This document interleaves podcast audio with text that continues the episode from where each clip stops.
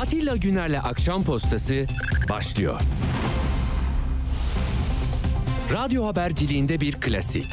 Sorulmayanı soran, haberin peşini bırakmayan tarzıyla bir marka. Atilla Güner'le Akşam Postası, gündeme damga vuran konu ve konuklarla hafta içi her akşam 17'de Radyo Sputnik'te. Akşam postasından merhaba hepinize. Hoş geldiniz. 14 Şubat'tayız ve ne olacağını bilmiyoruz. Bu memleketin bilinmeyenleri bilinenlerden daha fazla. Gerçekten öyle. Yani bir seçim dedik. 14 Mayıs dendi. O bile sürprizdi. Hadi gidiyordunuz. Sonra büyük bir felaketle darmadağın olduk. Yani hakikaten kendimize gelemedik. Türkiye'nin neresinde olursak olalım. Şimdi de 7 günlük yaz bitti. Orada hayatını kaybedip kaybetmediğinden emin değil. Ben gittiğimde Hatay, Kırıkan'da, o Uğur Mumcu Meydanı'nda, Demokrasi Meydanı'nda, Gündüz Caddesi'nde, oralarda insanlar çok azdı. Sessizlik vardı ya, onu demiştim. Binaların önünde bir iki insan var. Ee, her binaya bir iki düşüyor yani aşağı yukarı. Onlar da içeride olduğunu düşündükleri yakınlarını bekliyorlar. Yaşlı anne babalar, halalar, teyzeler, amcalar, dedeleri. Şimdi öyle bir hızla harekete geçmeye niyetli ki yönetenler bir an evvel o enkazları kepçelerle girip dümdüz etmek istiyorlar orayı. Bir enkazların taşındığı yer var. Oraya götürecekler. Onu da gördüm TRT Haber'de. Üstünü eziyorlar ve şöyle bir ifade kullandılar. Hani başkası çalmasın, çırpmasın, kullanılmasın diye yıkıyoruz, kırıyoruz diye. Nasıl bir kafaysa, neyin kafası bilmiyorum. Böyle bir şey. Ya orada cesetler, ceset demeye insanın dili varmıyor ya. Naaşı var. Alacak, canının bir parçasını alıp götürecek.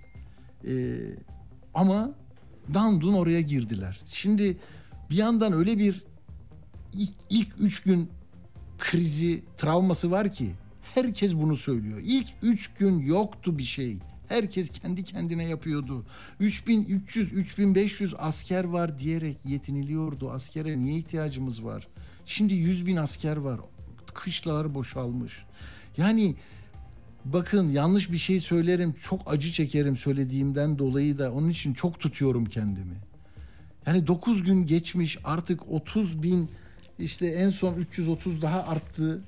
Ee, yani 970'e geldi. 974, 31.974. Bir önceki dün size söylediğimle arasında 331 o kaldı. Yani çok az bulunuyor ama yine bulunuyor. Yarın da hani 331 kişi daha çıkarılabilir ama hemen kaldıralım. Çünkü travma da yaşanabilir deniyor. Peki o üç günün hesabını kim verecek? Herkes söylüyor ya. Eczacı dün söylemedi mi? O sağlık çalışanı Habertürk'te konuşurken Uğur onu yakalamış. Çok acayip etkilendim ondan da.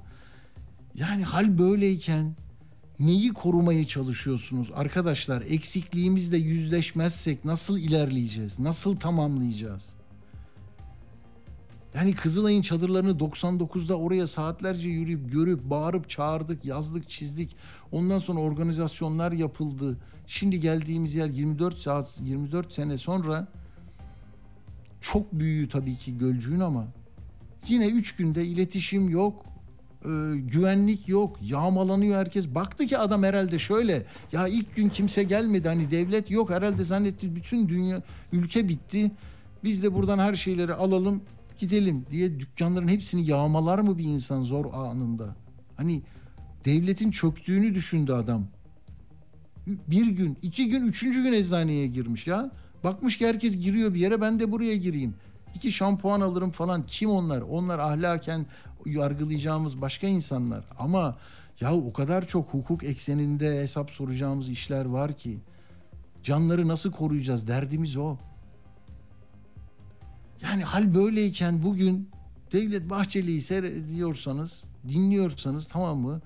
Hani ismi de devlet olduğu için belki öyle mi anlıyor meseleyi bilmiyorum ama yani devlet dediğin yönetenler, seçtiklerimiz, kurulan bürokrasi bu. Biz milletiz, millet devlet el ele tabii ki böyle ama eleştiri yapanların hepsine yani kullanılan ifadeler aklım almıyor benim ya.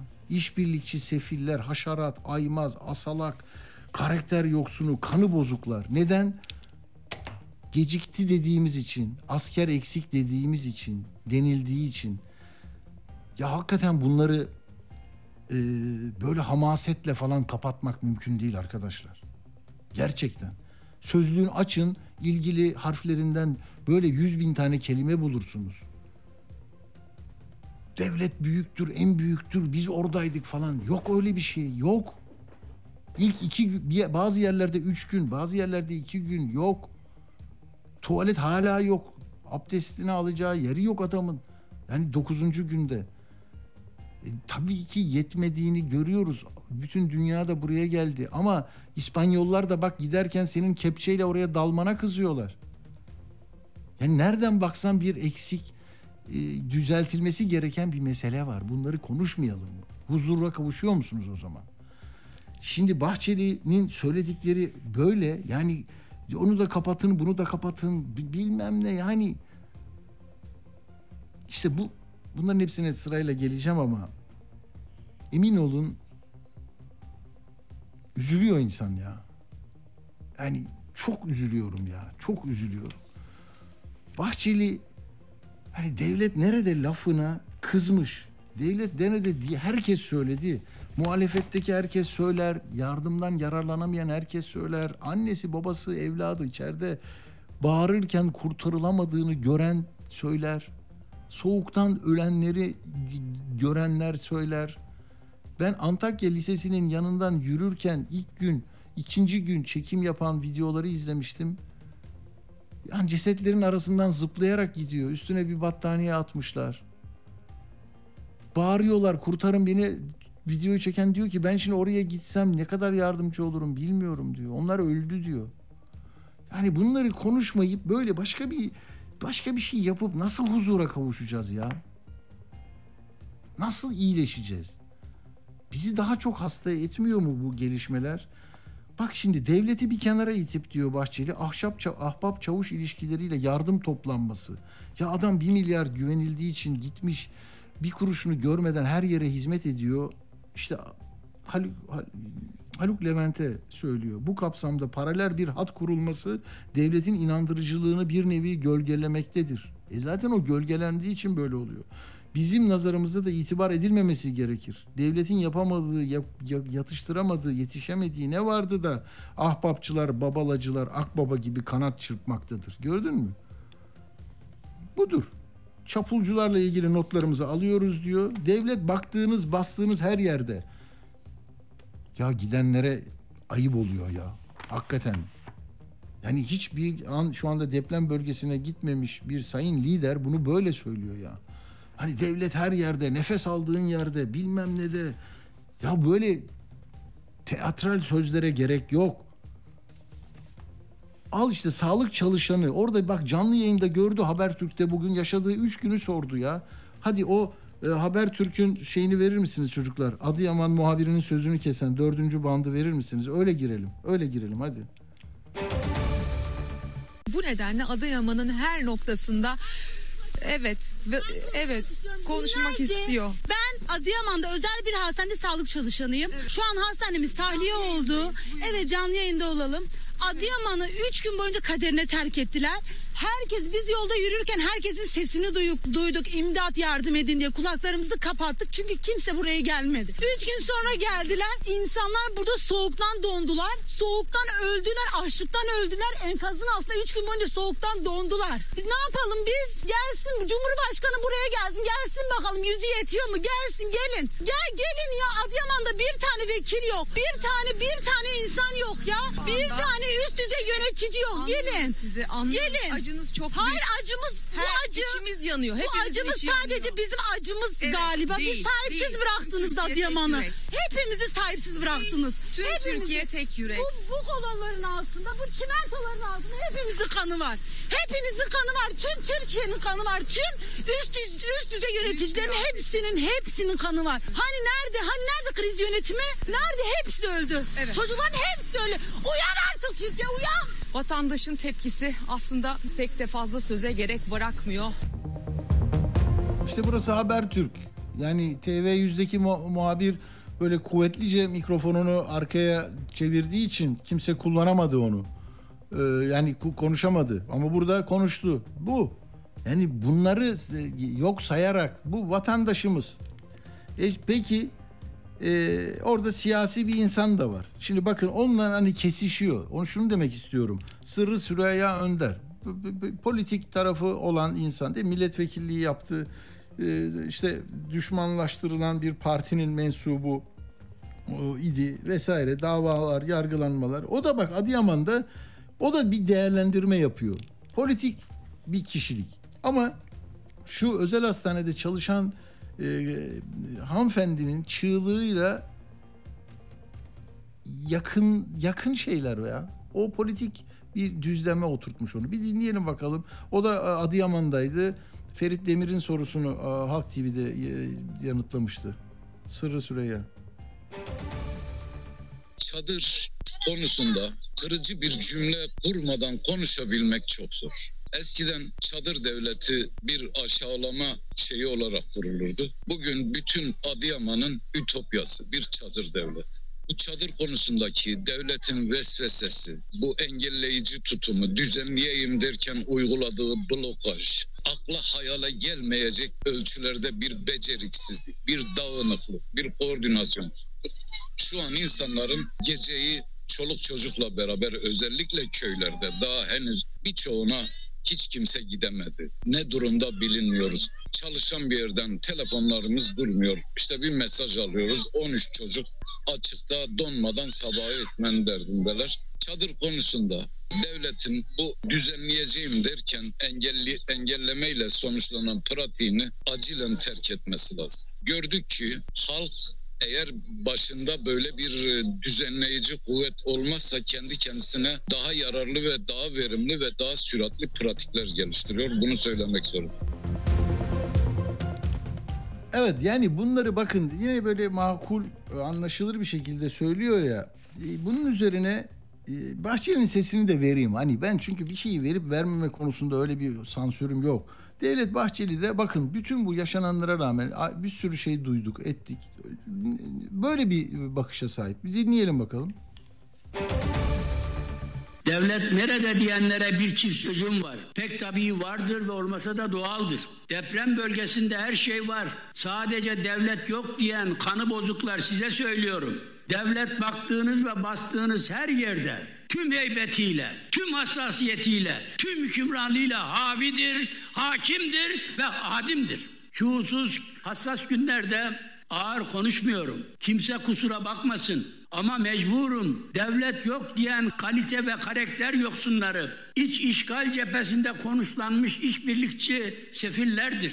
Devletin yapamadığı, yatıştıramadığı ve yetişemediği ne vardır da ahbapçılar ve babalacılar akraba gibi kanat çıkmaktadır. Bu sahtekarların Türk televizyonunda artık yer almaması lazımdır. Devleti ac içinde göstericesine sosyal medyaya üşüşenler bindikleri dalı kestiklerini ne zaman anlayacaklardır? Böylesi bir mühterislik kimin harcı, kimin haddidir? Türkiye Cumhuriyeti Devleti güçlüdür. Her müşkülatın, her mihnetin, her mikrobun üstesinden gelmesi mümkün ve mukadderdir. Evet iki konuşmayı günlerdir e, oralarda da zaman geçirip gözlem yapan Atilla'nın söylediklerini de Bahçeli'nin söylediklerini de e, bir bir buketin içinde e, size sunuyoruz. Yorum, değerlendirme, kanaatlerinizin oluşması e, takdiri size aittir. Şimdi e, burada tabii bir şey daha söylüyor. Diyor ki devlet şuradadır, buradadır. Su dağıtan zabıta çavuşu, araba yapan askerdir, afattır. Hani olmayanları da e, zamanında olmayanları da söylüyor. Bir de şimdi son bu yağmacılarla ilgili birkaç kişinin e, çok ağır muameleye tabi tutulduğu, belki gerçekten yağmacı olup olmadığı da kesinleşmeden bazı videolar var e, sosyal medyada. Bak ona da vurgu yapıyor. Devlet yağmacıyı yakalayıp doğduğuna pişman eden cesur polistir. Yani ona cesur polis denmez. Yani insan haklarına aykırı e, muamele, işkence, kötü muamele diye haklarında dava açılabilir. Ona da dikkat etmek lazım. Yani hukuk arkadaşlar, hukuk, hukuk, hukuk, adalet, adalet, adalet. Yani öngörülebilir bir memleket. Kim ne suçu işlerse ne apoletlerinden, ne üniformasından, ne ait olduğu inanç dünyasından, politik e, pozisyonundan azade değildir, muaf değildir. Dolayısıyla bunlara çok dikkat edeceğiz. Hukuk her zaman nereye el atsak çıkıyor karşımıza. Şimdi mesela İspanyol kurtarma ekibi çok başarılıydı. Sahra Hastanesi kurdular. İki ameliyat e, yapacak dev yerleri var İskenderun'da. Böyle doğumhanesi var. Muazzam 2500 kişiyle gemileriyle gelmişler ve kurtarma çalışmalarında da pek çok canın kurtarılmasında emekleri var. Gidiyorlar. insani bir meseleden gidiyorlar. Diyorlar ki o binaların altında insanlar olabilir. Niye kepçeyle giriyorsunuz? Biz buna alet olmayacağız deyip dönüyorlar. Bakın onların söylediklerini bir tele- e, yabancı bir televizyondan aldı Uğur. E, Türkçe e, dublajını da yaptı bir dinleyelim. El gobierno ha decidido meter maquinaria. Burası Adana Uluslararası Dış Hatlar Terminali. Birçok farklı ülkeden gelen kurtarma ekipleri ülkeyi terk ediyor. Bu ekipler arasında İspanyol STK'ları da var. Coordinación. Türk hükümeti enkazlara iş makineleriyle girmeye karar verdi. İş makinelerini koymak demek, zaman kazanmak demek fakat makineler insanları öldürür. Böyle bir şey bir sürü insanın ölmesi demek. Biz bunun bir parçası olmayacağız. Slovakya arama kurtarma ekibi, onlar pazartesiden beri çalışıyorlardı. Dört gündür çalışıyorduk. Bize bugün döneceğimiz söylendi. Çünkü artık tam bir insanlık krizi ortaya çıkıyor. Hükümet iş makineleriyle enkaza girmeye karar vermiş. Sevilla, İspanya'dan kurtarma ekibi de kurtarma misyonları bittiği için ayrılıyor. Eğer daha iyi bir koordinasyon ve organizasyon olsaydı, yani yetkili kurum ve hükümet daha sağlıklı bir organizasyon yapabilseydi, bugün burada elimizde bulunan imkanlardan çok daha iyi faydalanabilirdik. Evet böyle. Şimdi dedik ya hukuk dedik, adalet dedik. Hepsinde lazım. Bu bu yıkımın altında kalan insanların haklarını nasıl savunacağız? Anasından, babasından, evladından, yakınından olan insanlar iki eli kanda olsa onların yakasına yapışacak. Onun için de hukuk lazım. Onun için de adalet lazım. İşte bilir kişiler, savcılar marifetiyle bölgeden şeyler topluyorlar ama bazı hukukçular da diyor ki ya biraz sakin olun. Yani bu telaş niye? Buradan bilir kişiler eğer gerçekten oradaki e, bozuk binanın bazı materyallerini almazlarsa hakkında dava açılanlar sonra beraat ediyor. Yapmayın, etmeyin. Çok sıkı hazırlanın diye. 300 savcı gönderilmiş. Umarım oradan da hukuki bir sonuç çıkar. Müteahhitler ve o silsileyi de anlamış oluruz. Ya orada Sadullah Ergin'in e, bizim şeye söylediği e, İsmail'e söylediği bir mesele var. O beni de çok sarstı. Ya, diyor ki e, bu burada e, hatırladınız mı onu? Bir saniye ben bulacağım burada. Sadullah Ergin diyor ki e, ya diyor üç gün geç kalındı diyor o da bak herkes üç günü yok sayıyor. Bu hesabı herkes verecek. Bu üç günün hesabını verecek herkes. Yani 200. saatte Ayşe'yi kurtardık çok şükür. Ama 200. saatte Ayşe'leri, Ali'leri, Muhammed'leri kurtarmak onu örtmez. Şimdi bakıyorum böyle enkazların üzerinde rütbeli askerler dolaşmaya başladı. İlk üç gün bütün kent yağmalanmış kimse yok.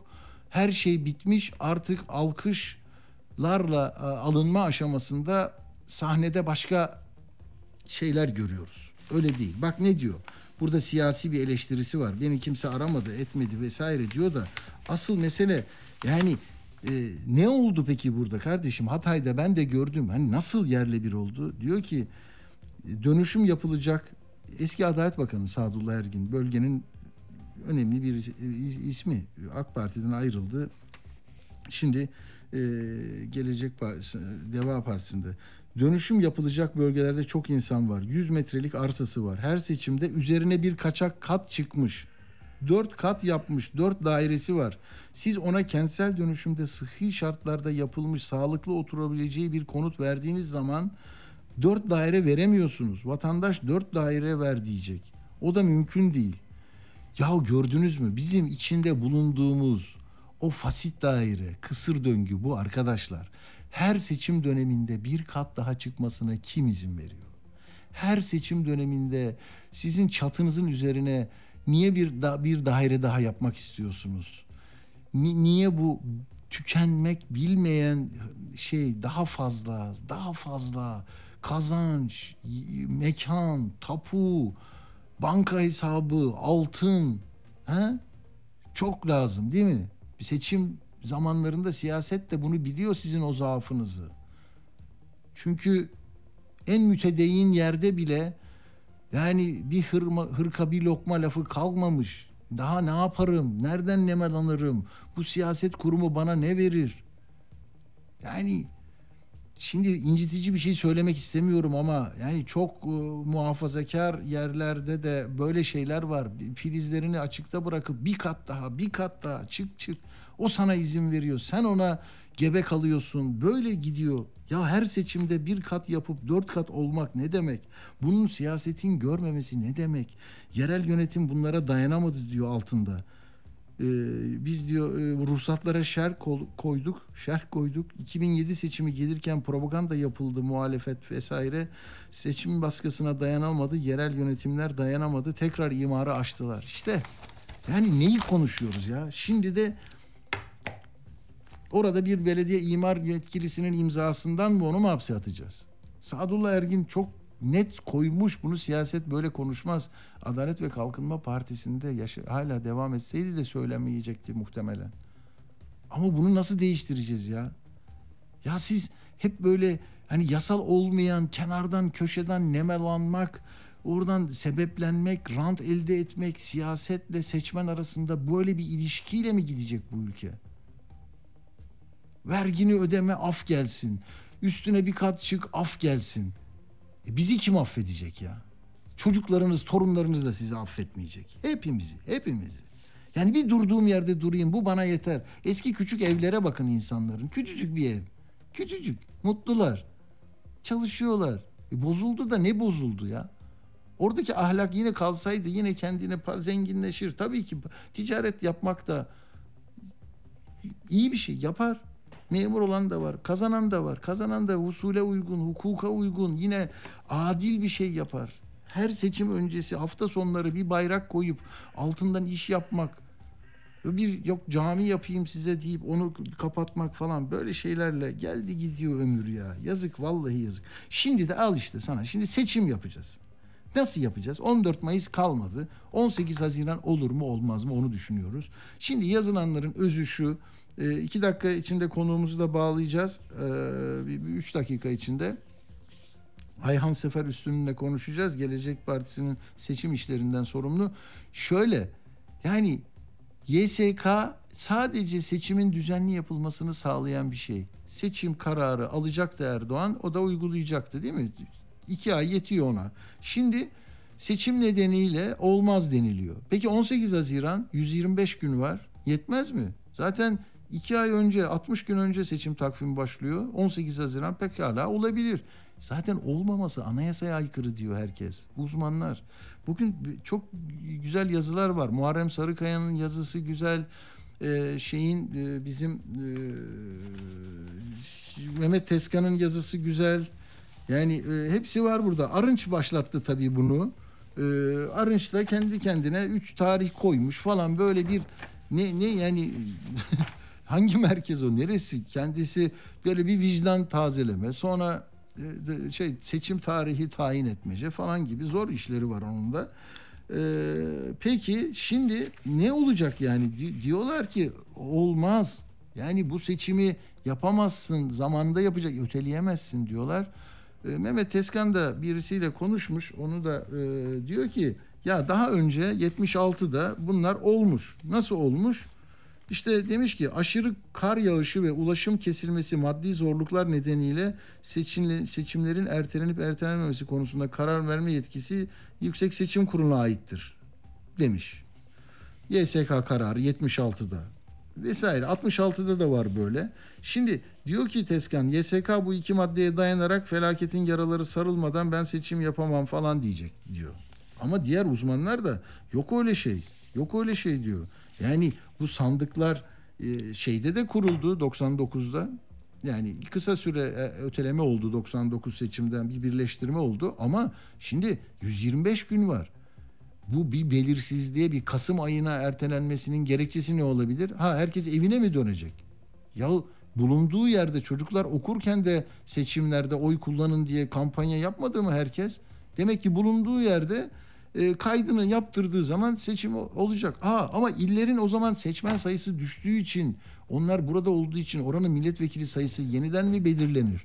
Böyle teknik şeyler var ama niyet yani yine bir Türkiye'yi belirsizliğe öngörülemeyen bir seçim e, platformuna e, koymamak lazım. O, o tedirgin ediyor beni.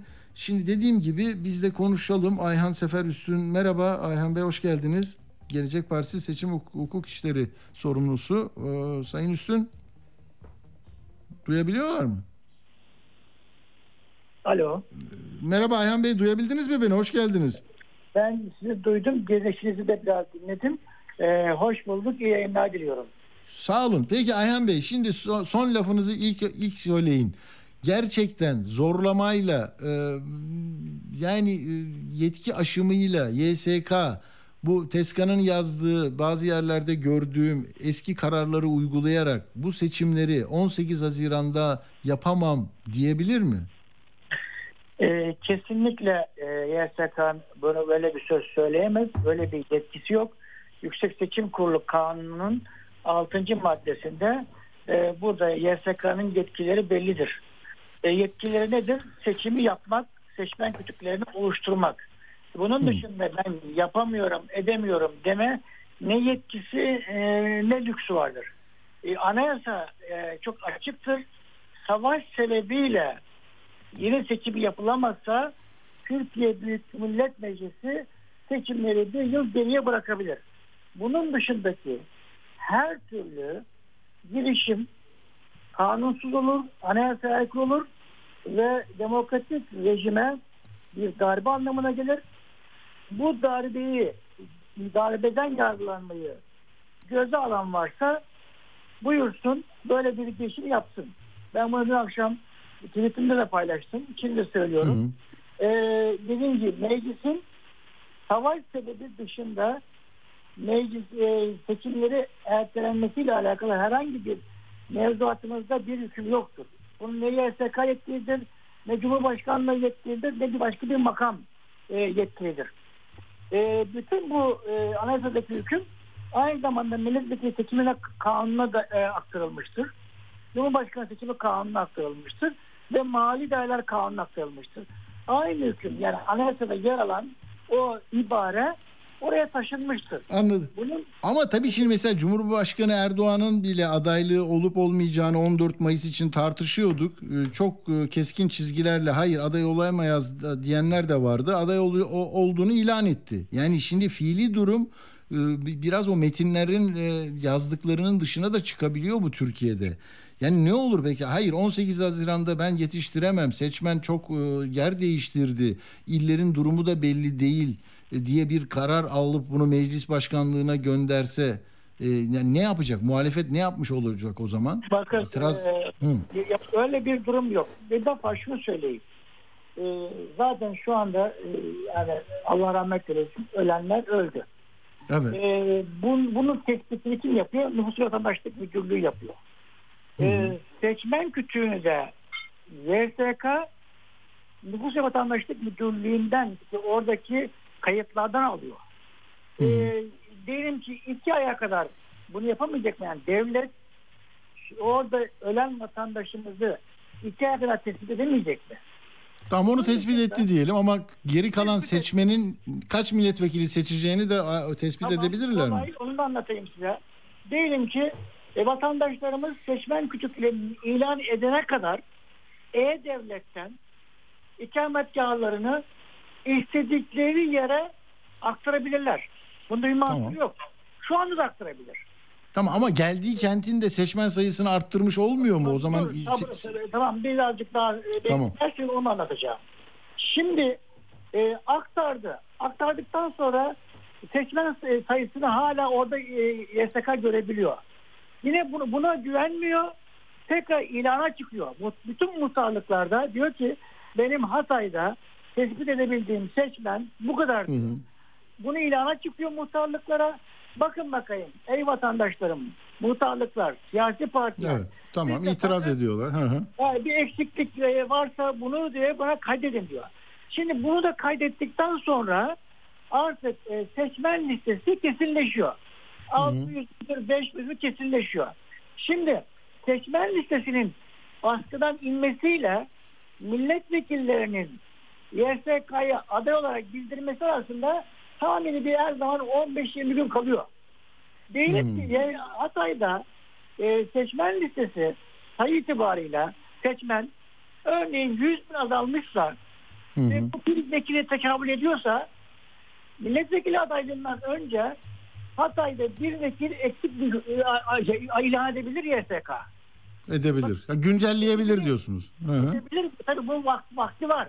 Ama Hı hı. yani şöyle düşünelim. Bu bir zaman genel seçim. Yani bir milletvekili Hatay'da fazla olsa ne olacak? Eksik olsa ne olacak? Zaten insanlar deprem geçirmişler. Ben diyorum ki varsa olsun bir vekil, bir üç vekil fazla verelim oraya. Sorunu çözecekse yani. Burada hı. burada bir ya insanların demokratik iradesini etkileyecek bir unsur değil. Yani Türkiye'nin genel yönetimini etkileyecek veya meclis meclisteki sayıyı etkileyecek bir e, sakatlık değil burası. Ama dediğim gibi onun da çözümü var. O da zaten milletvekili listesini ver- vereceği zamanla seçmenlerin kesinleştiği zaman arasında bir 15 günlük süre var. Her zaman YSK o e, seçmen listesine bakarak milletvekili sayısını Yapabilir. imkanına sahipler. Yani Ayhan Bey 18 Haziran olursa seçim takvimi zaten 2 ay önce başlıyor değil mi? 18 Nisan'da e, 60 gün olacak. önce başlıyor. Nisan'da. Evet. Evet. 18 Yani Nisan'da o zaman başlıyor. yeter mi bu süre? 125 gün var bugünden itibaren. Nasıl hareket edilecek o zaman? Yani YSK resen mi hareket edecek? zaten e, şey, Yüksek Seçim Kurulu e, önünde bir seçim vardı ve bu çalışmaları Vardı. yapıyordu. Yani Tamam. Yüksek Seçim Kurulu'nun bir talimat almasına gerek yok. Gerek yok. 18 Haziran diye yürüyorlar onlar değil mi? 18 Haziran diye yürü. Normal seçim takvimi zaten 18 Haziran'da. Tamam. Ve 18 Haziran'a göre bütün hazırlıklarını yapıyordu. Bu hazırlıklarını biraz daha titiz bir şekilde yapacak. E, diyelim ki oraya daha tecrübeli e, efendim e, yargıçlar gidecek. Daha tecrübeli seçim seçim müdürleri gidecek e, vesaire. Bakın yine ben konuşmanızda sizin e, bir şey, sözünüz şöyleydi. 99 depremi de oldu demiştiniz Türkiye'de. 90, ben Sakarya milletvekili yaptım 16 sene. 99 depreminde de Sakarya Büyükşehir Belediye Meclis Üyesiydim. Genel Evet. siyasetçiydim. Evet. Bizler bakın e, iki yıl boyunca çadırda meclisi topladık. Sakarya Büyükşehir Meclisi çadırda topladık. Hı hı. Aynı zamanda avukattım. Adapazarı Adliyesi konteynerları dizerek yapmıştık. Diyelim ki 20 tane konteyneri dizdik. Anladım. Bir tanesi efendim Askerizade bir tanesi şu mahkemede vesaire. Akyazı Endek böyleydi. Şimdi o şartlarda adliye kuruluyorsa, o şartlarda belediye yönetilebiliyorsa yani bir günlük seçimi yönetmek çok basit bir şey. Çok basit bir şey. Ben şimdi sandık e, sandık sayılarına da baktım. Yani bütün bu e, e, Maraş, e, işte Hatay, Adıyaman, Gaziantep gibi Osmaniye bu dört 4 bin topladığımızda 5 bin topladığımızda 10 bin civarında sandık var. Yani biz 10 bin, 10 bin civarında bir sandık başkanı bulamayacağız mı yani? Tabii. Bir yere sandık kuramayacağız mı yani? Kaldı ki bakın Hayır azaldıysa zaten sandık sayısı da azalacak Ayhan Bey öyle değil mi? Hani kentten göç etmişlerse başka yere gidiyorlarsa sandık sayısı da azalacak orada. tabii Konteyner konteyner evlerde olacak. Evet. 8 bine düşecek belki o anda şu anda. Tabii. Şunu da ifade edeyim. Seyyar sandık diye de bir şey getirdi yine e, meclis. Bundan yaklaşık işte 4-5 yıl önce bir değişiklikte biz seyyar sandık dahi koy- koyabiliyoruz. Bu kanunda var. Yani Tabii tabii o Güneydoğu'daki olaylar sırasında olmuştu değil mi? 2015'te. aynen. Evet evet. Ee, Evet. Eğer bir güvenlik sorunu varsa, şu sorunu bu sorunu varsa sandığı istediği yere kurabilirsin. Yani e, konteyner kent mi var bir yerde? Konteyner kentini getirirsin başına tamam mı? Oraya sandığı kurarsın ve orada vatandaş oy kullanır. Ee, e, efendim ama e, psikolojik olarak oy kullanma oranı düşebilir mi? Düşebilir. 99'da da düşmüştü. Yani insanlar bu tür e, travmalarda bazen e, yani devlete güveni azalıyor. Bazen hayata olan bakış açısı değişiyor falan. Efendim yüzde seksen olmaz da katılım yüzde altmış olur. Normal bir şey Evet, bunlar. evet, yani. evet, Ee, evet. bu seçim yapılamaz demek yani bu akla ziyan bir şeydir. E, yapamayan gider bakın. Yapamayan e, ben yapamam diyen bir hakim varsa orada o bırakacak yerine yap- yap- yapan gelecek. Bize bıraksınlar biz yaparız oradaki seçimi. Sorun yok yani. Yani iş en, e, bu, bu konuda seçmende çok bize de soruyorlar. Yani gazeteci diye sorarlar, size siyasetçi diye soruyorlar. Hakikaten herkesin kafasında şimdi yaz da 7 gün sürdü ama geleceğim ne olacak? Bunun e, yeniden e, sağlıklı binalar, ye- yeniden soruşturmaların düzgün yürütülmesi için de insanlar belki e, sandıktan umut e, besliyorlar. Sandığa umut yüklüyorlar. Siz ne diyorsunuz? 18 Haziran'da bu kesin olur. Bir başka şık yok diyor musunuz? Hayır başka bir ihtimal yok. Bakın Tamam. tek bir ihtimal var. O, yani o da meclisin tamamı 400 milletvekilinden fazlası gelecek iki seçimin birleştirilmesiyle ilgili ek bir geçici madde koyarsa tamam mı? Hı hı. O ek geçici maddenin maddeyle ancak ön açılabilir. O da bütün partilerin ancak evet demesine olabilecek bir şey. Onu çok anlamadım Ayhan Bey. Çok özür dilerim. E, Kaçırdım e, ucunu. Yani birleştirme nasıl e, dediniz? Şimdi şöyle olabilir. Ee, bu biliyorsunuz seçim tarihleri hem genel seçim tarihi şu anda hem de genel Evet. seçim tarihi anayasadan kaynaklanıyor. Anayasadan Doğru. gücün, gücün oluyor. Anayasada var bunlar. Şimdi anayasaya değiştireceğim dersen anayasaya ek bir madde koyarsan yani geçici bir madde deriz ona biz. O da şu olur.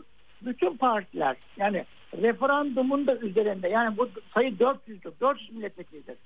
400 Tamam. milletvekili yani tüm partiler bir araya gelir de Tamam. okey derse o zaman belki iki seçim yani e, Mart Mart 2024. Mart 2024 ile 18 Haziran seçimlerin bir yerde birleştirebilir. Ama buna ihtiyaç yok. Bakın bir tek yasal yolu bu budur. Ee, buna meclis ancak böyle e, karar Hmm. verebilir. Bunun dışında başka bir yol Anladım. yoktur. Ancak e, işte İyi Parti, Cumhuriyet Halk Partisi, Gelecek Partisi, Deva Partisi tavırları açıkladı. Bu seçim yapılabilir. Ee, burada savaş halinden bahsediyor anayasa, anayasa savaş hali olmadığına göre bu fiziki şartlar 18 Haziran'a kadar çok rahat bir şekilde çözülebilir. Dolayısıyla seçimi ertelemeye gerek yok diye beyanatta bulundu. Bunu da destek vermeyeceklerinden söylediler bu partiler. Bunların desteği olmadan sizin e, seçimi anayasada bir geçici madde ekleyerek yapma ihtimali de kalmıyor. O zaman seçimi yapacağız. Yapamayan diyen, diyen bürokrat, hakim ki varsa görevini bırakacak, yapan gelecek yapacak. O kadar. Anladım. Orada da muhalefetin tabii yani bu kararlılığı da önemli. Yani hem e, Millet İttifakı olarak bunu böyle görmek lazım hem de toplumun e, hani bir yenilenme isteyenler vardı. Seçim önemli bir e, dönüm noktası oluyor Türkiye için. Dolayısıyla bunu e, deprem gerekçesiyle e, ertelemenin e, bir faydası da olmayacak ama gerilim yaratmaz umarım. Bir de e, Ayhan Bey bakın Kemal Bey de şimdi geçmiş bir e, e, sosyal paylaşımda bulunmuş. Diyor ki seçimle ilgili olduğu için burada söyleyeceğim. Bu bu ülke sana 20 yıl verdi. Darbe gördü sayende. Covid Covid'de 5 maskeye muhtaç ettin. Ormanlarımız yandı, uçak bulamadın, ekonomiyi çökerttin diyor. Sonra da beceriksizdin. Sana verecek bir yıl değil, bir günümüz bile yok. Ee, Bir beceriksizliğe daha katlanamayız. Seçimden korkma. Hani seçimle ilgili ilk defa böyle söyledi. Demek ki bugünden itibaren bu hararetli bir tartışma konusu olacak. Ee, Sizin son sözlerinizi de alayım. Yani 18 Haziran randevusu var diyorsunuz. Kesinlikle var. Tamam. Bunu e, başka bir ihtimal düşünemeyiz. E, Hatay'daki e, vali, ne bileyim e, işte Adana'daki vali, Maraş'taki vali deprem yorgunu olup da değiştiriyorsa bu hükümet ne yorgun Allah aşkına? Bu hükümet Hmm. yılların yorgunluğunu üzerinde barındırıyor. E, son yorgunluğu da depremden kaynaklanan yorgundur. E, iki, iki gün e, devlet hareket etmedi. Devlet harekete de geçemedi. Yani Evet, tek kişi evet. hükümetin yaptığı geldi ülke getirdiği nokta budur. Bu evet bu, e, bu hükümet yorgundur, bu iktidar yorgundur. Seçim çaredir. Demokrasilerde başka bir çare yoktur. Seçim yapılır. Hatta bir seçim yetmez, ikincisi yapılır, üçüncüsü yapılır. Ama su akar sonunda yolunu bulur. Doğru. Peki. Ayhan Sefer Üstün çok teşekkür ediyoruz. Gelecek Partisi Seçim ve Hukuk Teşekkür İşleri ederim. Yöneticisi. Sağ olun efendim. Kolay Sağ olun. gelsin, sağ olasın. Evet bugün zaten Kemal Bey şimdi bu e, paylaşımı yaptı ama daha önce de Engin Altay kameraların karşısında kuvvetli bir şekilde yani demek ki seçimden 9 gün sonra bunları konuşmam şey e, depremden sonra 9 gün geçecekmiş bunları konuşmak için. Normali de bu herhalde. Bakın bir de Engin Altay'ın son gelen bandını versin Necdet size. Millet yarasını kimin saracağını belirlemelidir. Millet yaraları kimin saracağını, sorunları kimin çözeceğini, çözeceğine karar vermelidir. Sen bu kararın önüne geçemezsin. YSK üzerinden seçimleri öteleyerek. Erdoğan bırak yaraları kimin saracağına millet karar versin. Kusurlarını depreme sığınıp seçimi bir yıl erteleyerek örtemezsin. Bu millete o hesabı vereceksin. Hadi 14 Mayıs biraz erken 18 Haziran. 125 gün var. 3 ay var. Mart, Nisan, Mayıs 3 tam ay var. 4 ay var. 4 ayda zaten bir yılda da sen bütün binaları bitiremeyeceksin ki. İnsanların başını kuruluğa koyacağız ve insanların önüne gideceğiz. O depremzedelerin önüne de gideceğiz. Yeni vekillerinizi ve yeni devlet başkanını seçin. Bu yaraları kim sarabilir? Kararı siz verin diyeceğiz. Seçimi erteleyerek, seçimden kaçarak, milletin kantarına çıkmaktan kaçarak kurtulamaz. Evet böyle anayasa hukukçusu Tolga Şirin de diyor ki mevcut mevzuat uyarınca sadece deprem ve depreme bağlı OHAL ilanı nedeniyle meclis seçimlerin ertelenmesi meclis meclis seçimlerin ertelenmesi mümkün değildir nokta. Bu böyle daha çok konuşacağız e, zannediyorum. Bakacağız ama az önce hani Bahçeli'nin o ağır sözlerini de verdim. Hedef olarak e, kendisine en son işte şeyi seçmişti ya. Haluk Levent ve Oğuzhan Uğur'u. Onların yanıtları da var. Okumazsam eksik kalacak. Diyor ki daha Haluk Levent, daha dün MHP milletvekilleri çadır kentimizi ziyarete geldi. Bahçeli'nin danışmanlarının kendisini yanlış yönlendirdiğini düşünüyorum diyor. Kibarca demiş. Zaten işbirliği yapıyoruz. Bilgi eksikliği var bunda diyor. Oğuzhan Uğur da devletimizin yetkili kurumları ile koordineli çalışıyoruz. Pek çok MHP'li ve ülkücü arkadaşımız da bize destek veriyor diyor. Babacan e, yine buradan enteresan bir şey e, söylemiş. Diyor ki tek bir afet bölgesini görmeden, tek bir depremzedenin halini bilmeden ahkam kesiyor Sayın Bahçeli diyor. Osmaniye'deki konutunuzun tam karşısında yıkılan enkazın sakinlerine konutunuzun tuvaletine kullanım izni verilmemiş. Siz neden bahsediyorsunuz? Ben gittim. Sizin adın sizin diyor adım atmadığınız vekili olduğunuz memlekette hal böyle diyor. Hakikaten e, gerçi e, Bahçeli de konuşmasının sonunda gideceğim yakında dedi. Galiba bu hafta gidecek bölgeye. E, ama en geç hareket eden o oldu.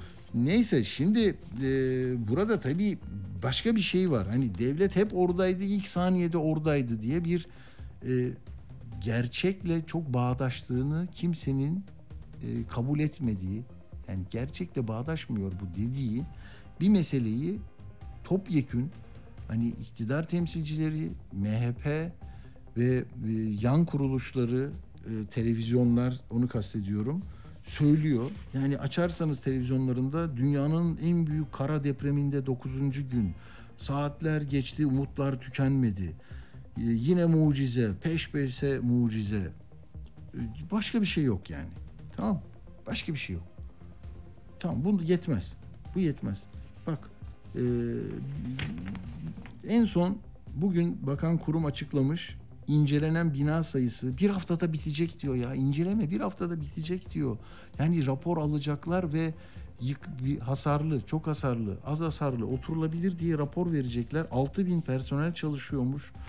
Ama 10 ilde böyle bir organizasyonu yaptılarsa muazzam bir şey. Keşke bunu 6 Şubat deprem felaketinden hemen sonra yapabilseydik.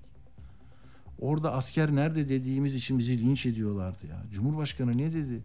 Benim askerim şereflidir, benim askerim, e, polisim şereflidir, bu şerefsizler yok diyor. 3300'dü ya, 3500'dü. Şimdi TTK'dan gelen o maden emekçilerinin sayısı kaç biliyor musunuz? Yazmıştım buraya. 3800. Şimdi 200 bin kurtarmacıdan söz ediyorlar falan. Ya çok geç değil mi? Affedersiniz ya. Üç gün neredeydi o yağmalanan dükkanlar falan? Bunları unutur mu oradaki insanlar? Ha işte seçim sandığını daha ileriye götürürsek biraz da işte promosyonlar, tokiler, kokiler, paralar şunlarla bu acıyı azaltırız diye düşünüyor olabilirsiniz. Bak Burhanettin e, Duran diyor ki şeyde sabahta e, ya diyor bunlar diyor yurt dışından da e, öyle işaretler alıyorlar. Şey yapacaklar galiba. E, yani Türkiye'deki bu e, öfkeyi seçim sandıklarına yansıtmak istiyorlar. Bir öfke yaratıp bunu da sandıklara e, Erdoğan aleyhine bir sonuç doğurması için çalışıyorlar diyor. Ya bu çalışıyorlar, çalışmıyorlar bilmiyoruz ama orada ne varsa e, görelim. Yani buradan ne sonuç çıkacağını bilmiyoruz ki. Bu şey mi yani? Yardım, Mehmet Ali Erbil'in programında yardımcı olarak çözeceğimiz bir şey değil. Yani gidecekler, açacaklar kutuyu, çıkacak ortadaki sonuç. Ee, şimdi ha yıkıntılı evler var. Onunla ilgili söyledim ya bak 307 bin e, konut incelemişler. E, 763'ü de var. 307 bin 763. Ağır hasarlı 41 bin 791. Az hasarlılar böyle 170 bin falan işte 200 bine yakın. Oralarda oturulacak diyorlar. Oturulur dediler ya. E çünkü yer yok. Bak üniversiteliği dersinden ediyor, eğitiminden, geleceğinden ediniyor yer yer bulmak için. E ne yapsın? Ne yapsın yani şimdi? İşte o, o yüzden diyor ki burada otur diyor. Ya nasıl otursun? Ya, hanımefendi ne kadar e, dramatik ya şey dedi. Bu Rönesans'ta oturuyorum ben dedi. Bir gün bir baktım küçük bir çatlak var. Bir ses duydum. Hemen çıktım dedi. Yani görmüş onu ya o orada aslan gibi duran yeri böyle görmüş gitmiş. Siz şimdi yanı başında 100 kişinin öldüğü apartmanlar, kalıntılar, o mahalle bitmiş. Nasıl gir diyorsunuz yani? Yani yardım götüreceğiniz insanların sayısı azalsın diye yapıyorsanız onlar orada da bir sallantıda gider vallahi. Sonra bir felaket daha yaşamayalım. Bak şu 5 numaralı bir bandımız var. Onu da verir misin Necdet? E, yıkıntı e, evlerimize sağlam raporu verip girin oturun dediler diyor Maraş'ta. Bir dinleyelim. Oturulabilir raporu veriliyor. Biz nasıl Çürük evlere, oturacağız? Evet, nasıl oturulur raporu veriyor. Oğlumun evi dök- dökülmüş, tamamen dökülmüş. Ona çürük raporu vermiyorlar. Yıkık binalar yapan müteahhitler şimdi de yıkık binalara sağlam izni veriyorlar. Biz nasıl yaşayacağız bu şehirde? Yakacak hiçbir şeyimiz yok. Isınamıyoruz. Kömür yollanmış. Kömürler yanmıyor. Evet. Yani bunları söyleyenler o e, girişte e, Devlet Bahçeli'nin söylediği sıfatlarla karşılaşıyorlar. Ne acı bir durumdur. Ne acı bir durumdur. Konuşamayacağız ve Allah devlete zeval vermesin. Yani biz neyiz ki? Biz neyiz ki? Yani ölürüz, gideriz, işkenceye uğrarız, hapse gireriz. var olsun, şan olsun. Öyle değil ya. Onu yani başkasının buraya gönderdiği bir şey değil mi? İş makinesi mi devlet yani? Bu, bu devlet zaten milletiyle beraber. Evet. Yani niye onlar daha iyi şey istediği zaman niye böyle e, oluyor ki? Anlamadım yani. E sonra da bak o slogan niye çıkıyor kardeşim? O slogan niye çıkıyor? He? Gördünüz mü onu? Nerede? Kahramanmaraş, Elbistan'da. Vermem tabii de ama lafa bak ya. Yazıyor orada Selçuklu İlkokulu. Kahramanmaraş, Elbistan'a yardıma gitmişler. Sözüm ona ateş yakmışlar. Adamlar ne diyor ya? Yeter artık bitsin bu barış. Vuralım Suriyeliyi. Ee, Hatay'da. Vuralım Afgan'ı Maraş'ta. Allah'ım ya Rabbim ya çizgiye bak yani neredeyiz ne olacağız bunu şaka diye mi yapıyorlar? Gülüyorlar falan böyle. Bakın yani o gençler nasıl nasıl bir iklimde büyüdüler? Hangi sese kulak veriyorlar? Yabancı düşmanlığını bu bu mesele nedeniyle daha da tırmandıranlar var ya hani önü alınamayacak meselelere sosyal depremlere de yol açabilir. Çok dikkatli olun. Yani yağmaladı diye alınan insanı sağda solda kamu görevlisinin önünde kamu görevlisinin müdahalesiyle öldü diye iddialar var. Sonra battaniyeye sarıp koydular diye. Ah ah ah bilmiyorum, bilmiyorum, bilmiyorum ne olacağını bilmiyorum. Ama dediğim gibi e, ta- salgın hastalık meselesi var şimdi. Ona dikkat etmemiz lazım. Salgın hastalıkta söylediğiniz zaman sizi de e, yani Türk Tabipleri Birliği'ni de e, yine şeye hedefe koyacaklar. Nasıl babalayı kapatın televizyona çıkmasın diyor. Anayasa Mahkemesi düzgün bir karar veriyor insan hakları açısından. Kapat orayı diyor. Orada bir şey oluyor. HDP'yi kapat. Kapana kapana yıkıla yıkıla böyle küçücük bir yer kalacak ama oradaki e, hükümdarlık e, yani muktedir olma haklarını kullanacaklar. Kimseden de ses çıkmayacak. Öyle mutlu mesut yaşanacak. Öyle isteniyor herhalde. Bak ne diyor ya Gamze Varol. Yarın alalım e, canlı yayına. E, Uğur. TTB e, Halk Sağlığı Kolu Başkanıymış. Diyor ki kızamık, zatürre, solunum yolu enfeksiyonları arttı diyor. Çocuklarda kızamık salgını, zatürreler ortaya çıkmasına neden olabilecek diyor. Düzeltiyorum olabilir diyor. Zaten e, bağırsak enfeksiyonu vesaire var diyor. Ama bazıları da şey diyor "Aa, binalardan artık enkaz altından kokular geliyor diyor. O enkaz nereye gidecek? İçindeki e, kendi ziynet eşyaları var ve şey var. Kepçeler gelip oraya götürüyor. Yani bunları böyle e, sadece mucize mucize mucizeyle bir yere götüremeyeceğiz. Onu biliyorsunuz. Müteahhitlerin tutuklanmasında 8 tutuklama vardı. 77'si de firardaymış. Yani Adıyaman'da bak yıkılan 6 binanın müteahhiti Mersin'de yakalanıp tutuklanmış. Şanlıurfa'da 14 kişinin öldüğü Öz Bacılar Apartmanı'nın proje sorumlusu İstanbul'da yakalanmış. Malatya'da depremde yıkılan binalarda tespit edilen kusurlara ilişkin 40 gözaltı, Osmaniye'de 9 gözaltı.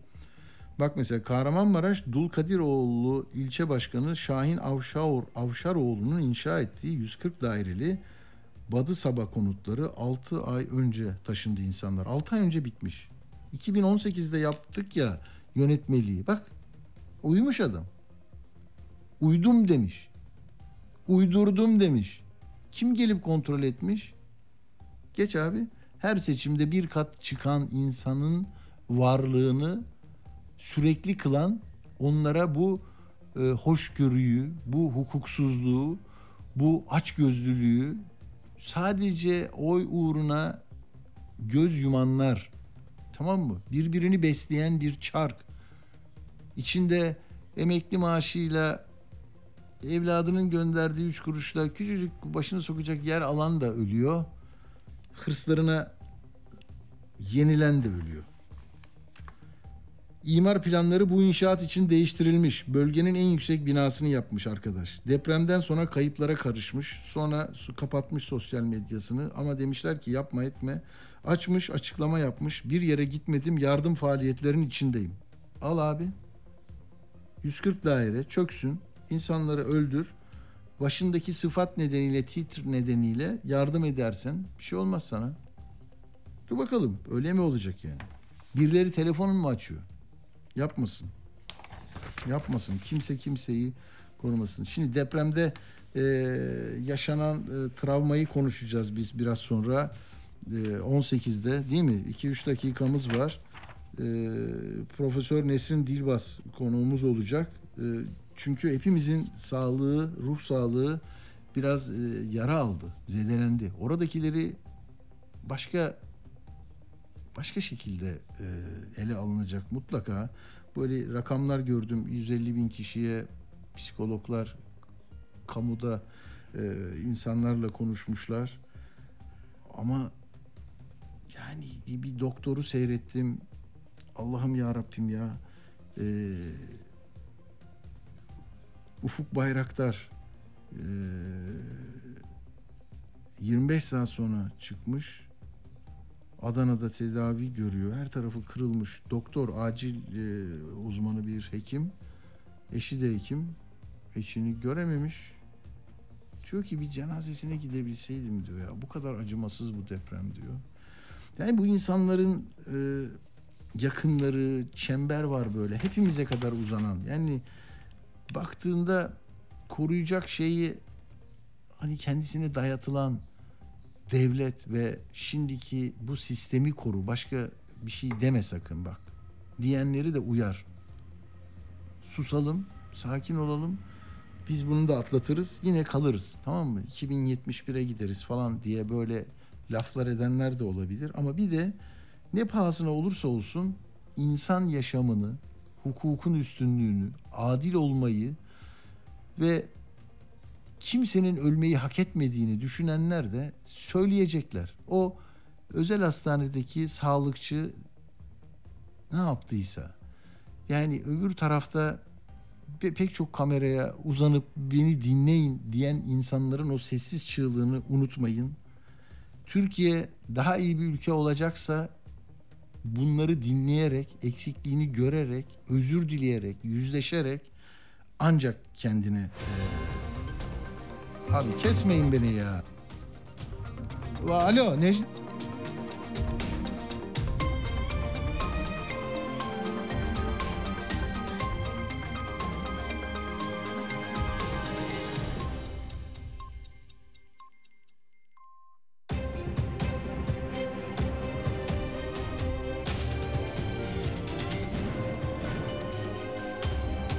Radyo Sputnik.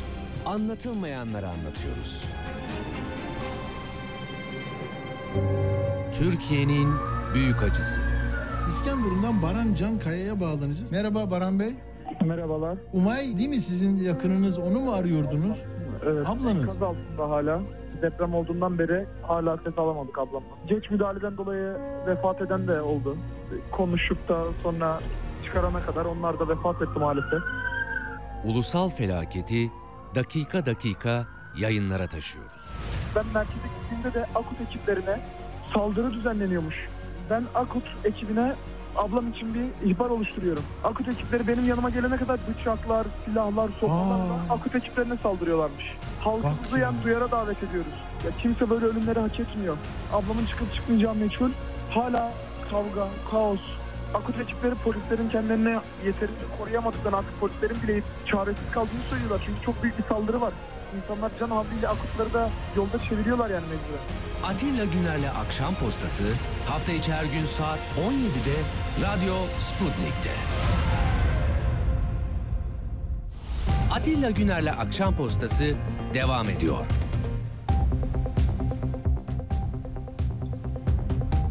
Evet şimdi de yani sözüm de yarım kaldı. Bu böyle saat şeyini uydurmuşlar. Böyle saat girdiğinde e, böyle se- ses kesiliyor. Hani bu hoşuma gitmiyor. Bunu yönetim de duyuyor. E, neyse şimdi e, dediğim bu. Yani bu bu itirazlar, eleştiriler olmazsa iyileşme de olmaz. O zaman her şeyi kabul ederiz.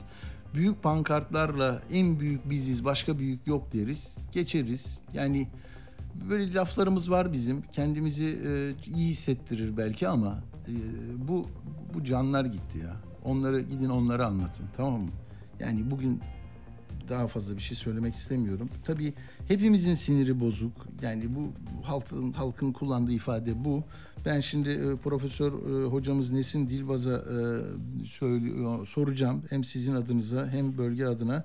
Bağlanıyor mu e, Nesin hocamız? Bağlandım Atilla Bey.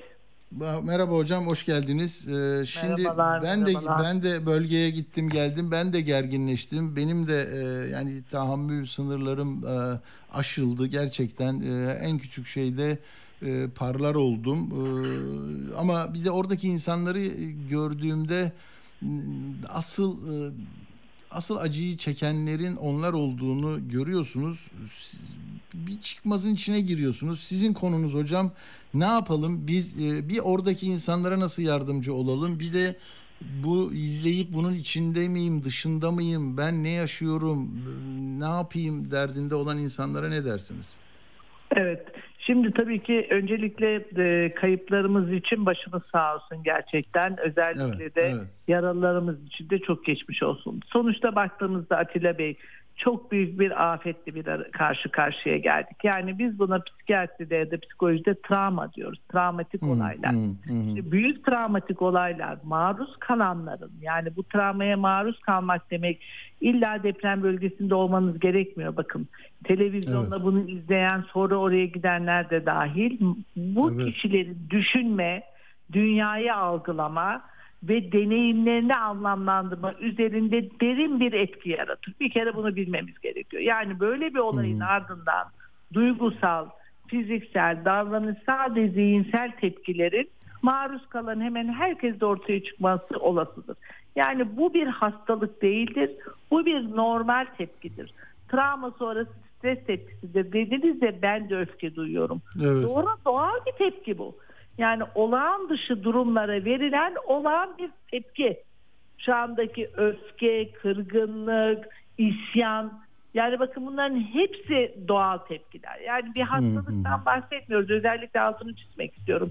Şu anda ben bu travmaya maruz kalan kişilerin ruhsal bir hastalık geçirdiklerini değil, durum olağan dışı ama verilen tepkiler olağan tepkiler. Yani onun için maruz kaldığımız müddetçe de bu. Peki neler bunlar belki diyeceğiz değil mi? Yani her şey var bunun içinde. Siz biraz önce söylediniz. Şimdi belki de e, şeydi galiba sorunuz. Peki hocam ne yapacağız dedim. Evet. Ha ne yapalım ne yapmayalım belki de değil mi hocam? Onu oradan Aynen, aynen bir doğru yapılması gerekenler bir yapılmaması gerekenler. Bakın bir kere ilk günden itibaren insanların kendilerini iyi hissetmeleri için en önemli duygu güven duygusu. Yani kişilerin kendilerini güvende hissetmelerini sağlamamız lazım. Mesela tek başına mı kaldı? Tanıdığı biriyle birlikte olacak. Bütün kuralları değiştiriyoruz biz hastanede. Yani yoğun bakımda bile olsa hastanın yakınını alıyoruz içeriye. Normalde almayız biliyorsunuz ama o güven duygusunun yaşamasıyla ilgili. Yani erken dönemde ruh sağlıklarını korumaları için önce ne hissediyorlar? Depremden sonra ruhsal açıdan kendilerini nasıl hissediyorlar? Bir kere bu soruyu kendilerine sormaları gerekiyor. Ne geliyor cevap? Korku, dehşet. Bakın bunları yaşıyorlar. Ben şimdiden Ankara'dayım şu anda. Danışanlar gelmeye başladılar. Ya dünkü çok e, çarpıcıydı. Kadıncağız diyor ki hocam o kadar uzun sürdü ki aklımdan geçen tek şey şuydu. Bir an önce yıkılsın, altında kalalım ama bu işkence bitsin. Yani ne var orada? bakın, o 85 saniye hocam o da 85 Aynen. saniye düşünün. Ama o 85 saniye nasıl Ya, gelmiş? Şuna razı. gelmiş. Yani beton üstüme çöksün ben öleyim. Birincisi bakın öleyim yeter ki enkaz altında kalmayayım. Şimdi bir de bu var.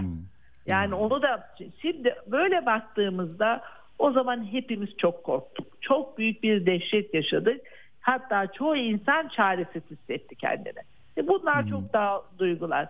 Aşırı korku, e, ne yaptığınızı, nerede olduğunuzu bilememe, kafa karışıklığı, hani düşünmeden otomatikleşme, otomatik davranma. Şimdi görüyorsunuz insanlar çıkıyorlar şeyden televizyonda gördüğümüz kadarıyla el sallıyorlar. Bunlar gerçekten el sallama değil. Orada söylenenleri anons ediyorlar. Bunlar düşünmeden otomatik hareketler.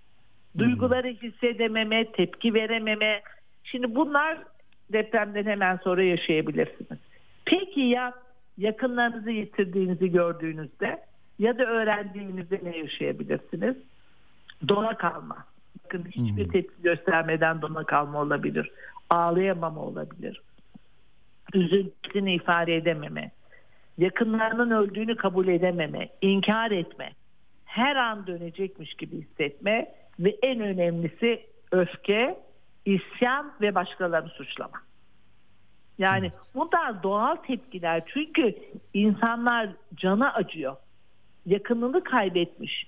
Yani binanın altında kalmış yandaki bina sapasağlam duruyor. Aha o nasıl etkiliyor hocam? Bunu soracaktım size. Şimdi ben orada hayat normale dönse, ailemde hiçbir zarar olmasa ama konu komşu, e, mahalle bakkalı, muhtarın odası, gittiğim berber hepsi gitmiş, okuduğum okul gitmiş. Ben orada nasıl yaşayacağım? Yaşayabilir miyim? Bakın Yani yaşayamıyor. sağlıklı insanlar. olabilir miyim?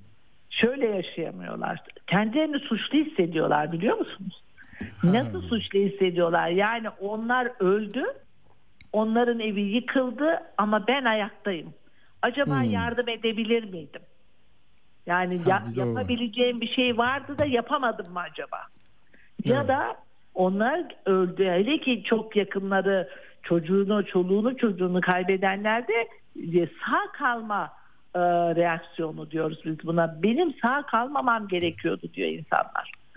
Yani ben neden sağ kaldım diyor. Yani o kadar yoğun farklı duygular var ki. Peki onun etkisinden çok- kurtuluyor mu zamanla? Yani ona bir destek gerekiyor mu? Bundan kurtulmak için mutlaka bir e, de sizin gibi uzmanlık alanında e, olan insanların bir e, desteğine ihtiyaç duyuyorlar mı? Duymaları Şimdi lazım değil mi? başlangıçta duyuyorlar. Şöyle duyuyorlar. Yani ilk bir ay bizim için çok önemli. Şimdi biz psikolojik müdahaleyi, psikolojik yardımı iki yıl sürdürmemiz gerekiyor minimum. Şimdi şu anda yaptığımız şey şu. Danışma ve dayanışma. Bakın biz Hmm. terapi yapmıyoruz. Tedavi vermiyoruz. Şimdi birçok öğrencilerimizi eğitiyoruz. Çünkü çok ciddi bir sayıya ihtiyacımız var. Gerçekten yani önümüzdeki günlerde çok büyük bir grubun bize ihtiyacı olacak çünkü. Onun için şimdiden eğitimlere başladık. Ee, bu önemli bir şey olduğu için. Diyoruz ki şimdi ilaç yok hastalarımızda. O psikoterapi yok, hipnozlar yok, şunlar bunların hiçbirisi yok. İlk bir ay içinde biz danışmaya ve dayanışmaya çalışıyoruz.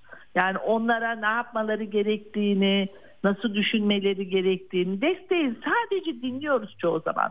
Ha, sadece dinliyoruz ve hani elini tutarak diyoruz evet buradayım. Anlıyorum seni de hissettiklerini anlıyorum. Keşke daha fazla yapabileceğim bir şey olsa. Yani bu tek başına şu an için yeterli. Ve ihtiyaçlarını çok hızlı bir biçimde karşılamamız gerekiyor. Bakın bence en önemli bölüm burada geliyor. Güvenle birlikte ihtiyaç karşılama.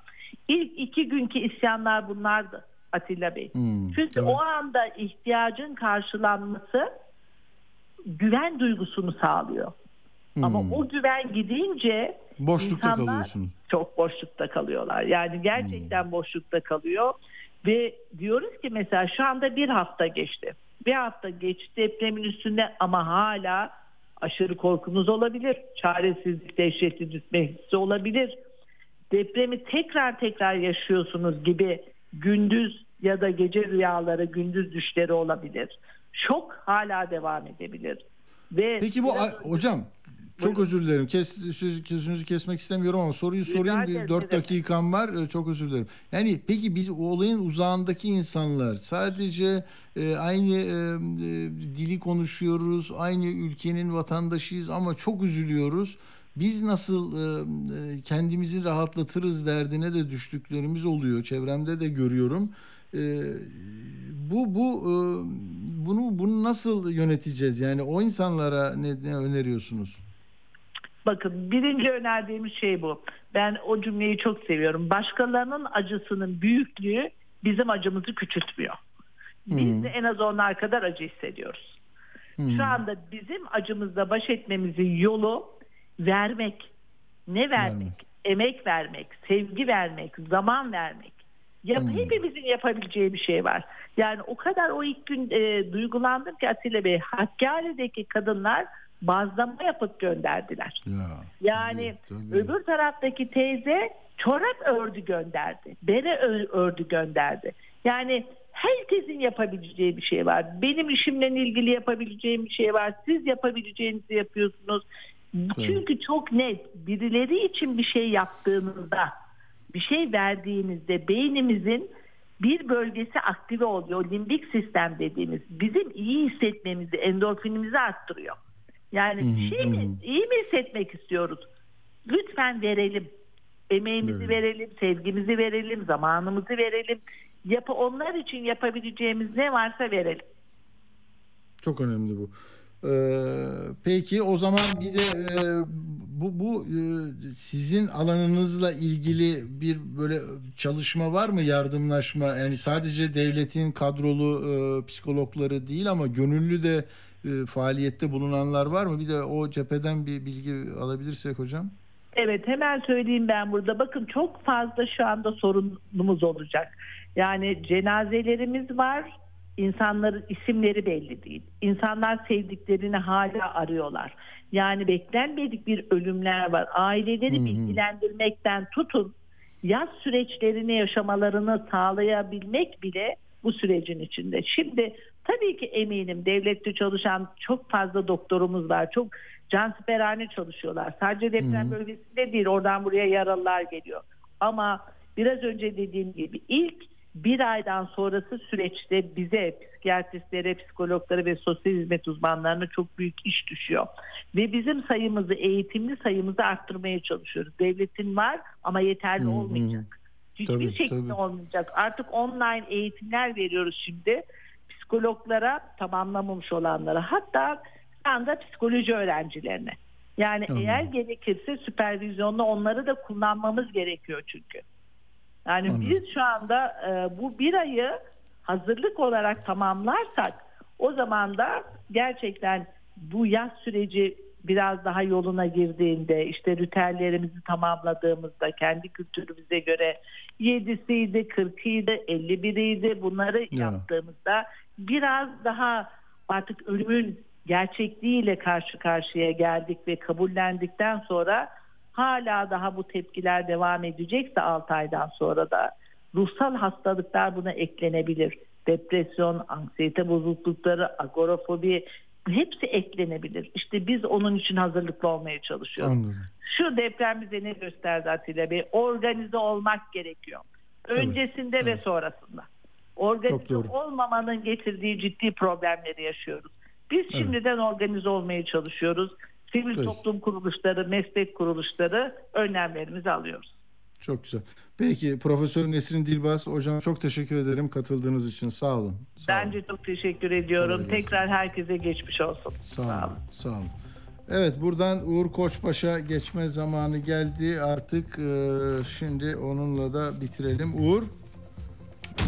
Dünyada anlatılmayanları anlatıyoruz. Geçelim buradan hemen Yunanistan'a. Gidelim şimdi Mısır'a. Program editörümüz Uğur Koçbaş hep ayrıntıların peşinde.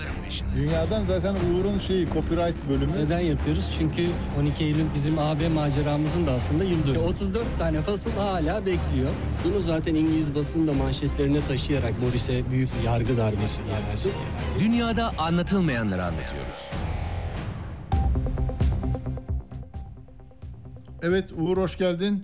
Hoş bulduk merhaba. Evet sende ne vardı Uğur ne çalışmıştın bugün? Şimdi e, bu bizim televizyonlar mucize kurtuluşları veriyor ama dünya basını sor- sorgulamaya başladı. Neden bu kadar büyük can kaybı oldu? Neden bu kadar çok bina yıkıldı diye. E, Birçok gazetede Amerika'da, İngiltere'de, Fransa'da, İspanya'da e, bu mesele sorgulanıyor gazeteler tarafından. Mesela şimdi Haiti'de 7.2 olmuş. Geçen 2021'de 2000 kişi ölmüş. Endonezya'da 7.5 olmuş. 4300 kişi ölmüş. İran'da 7.3 olmuş. 400 kişi ölmüş. Meksika'da 7.1 olmuş.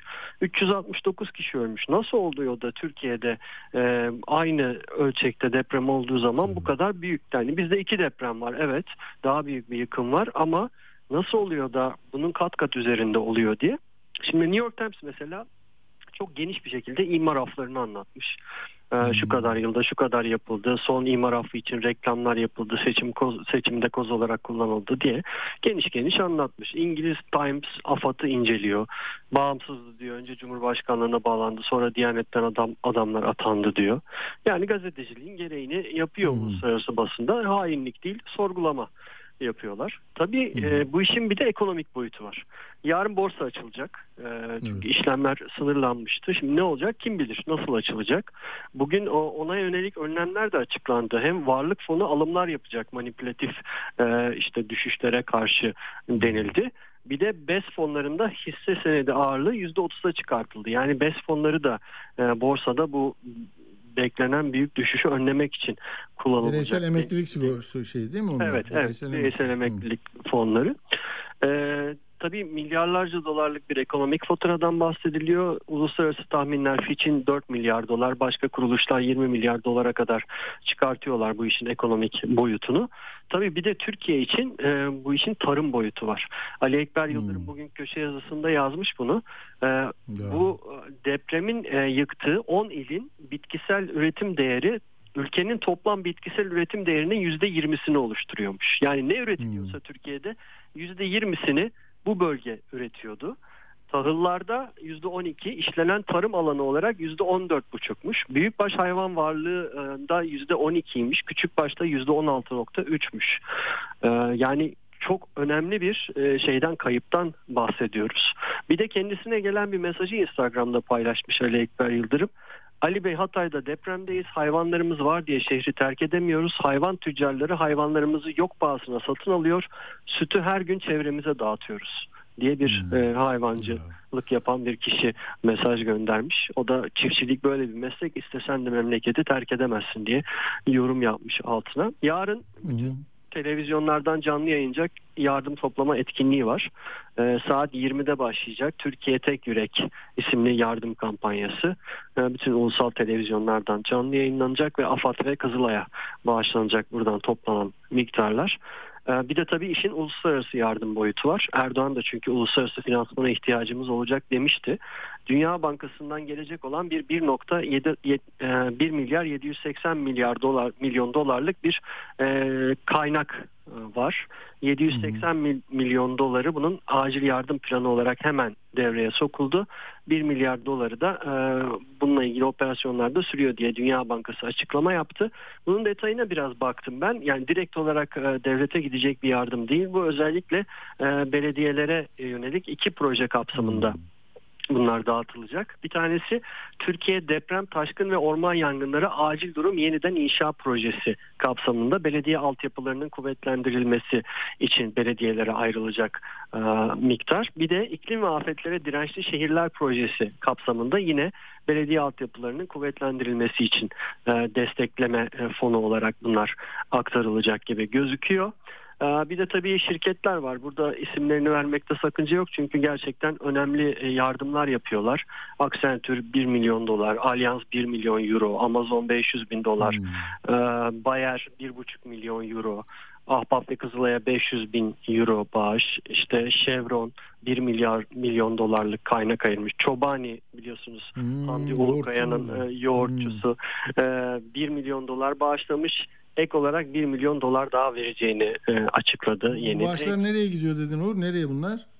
Bunlar e, Türkiye Deprem Fonu'na aktarılıyor. oraya o fonu tamam söyledim. Evet o fona aktarılıyor. Bazıları da kendisi özel olarak biz e, Kızılay'a bağışlamak istiyoruz. Ahbap'a bak mesela Bayer öyle yapmış. Ahbap ve Kızılay'a 500 bin e, euro bağışta bulunmuş. Exxon 100 bin dolar, FedEx 100 bin dolar, Hyundai 450 bin dolar. Toplamı ne oluyor dedin? Toplamı bir... Toplamı şu ana kadar toplananlar 39 milyon doları aşmış. Ee, bunun bir e, uluslararası yerde e, şeyini e, dökümünü yapmışlar. Ee, IKEA mesela çok önemli yardım yapanlardan bir tanesi. O sınır tanımayan doktorlara bağışladık biz orada kullanılmak üzere 10 milyon euro. Yani çok ciddi bir rakam bağışlamışlar. Ama o, Mercedes o, o doktorları almıyorlar diye ülkeye bir şey okumuştum. Yarın bir baksana ona. bakalım bakalım. Sınır bakalım. tanımayan doktorlara izin vermemişler diye bir şey okumuştum.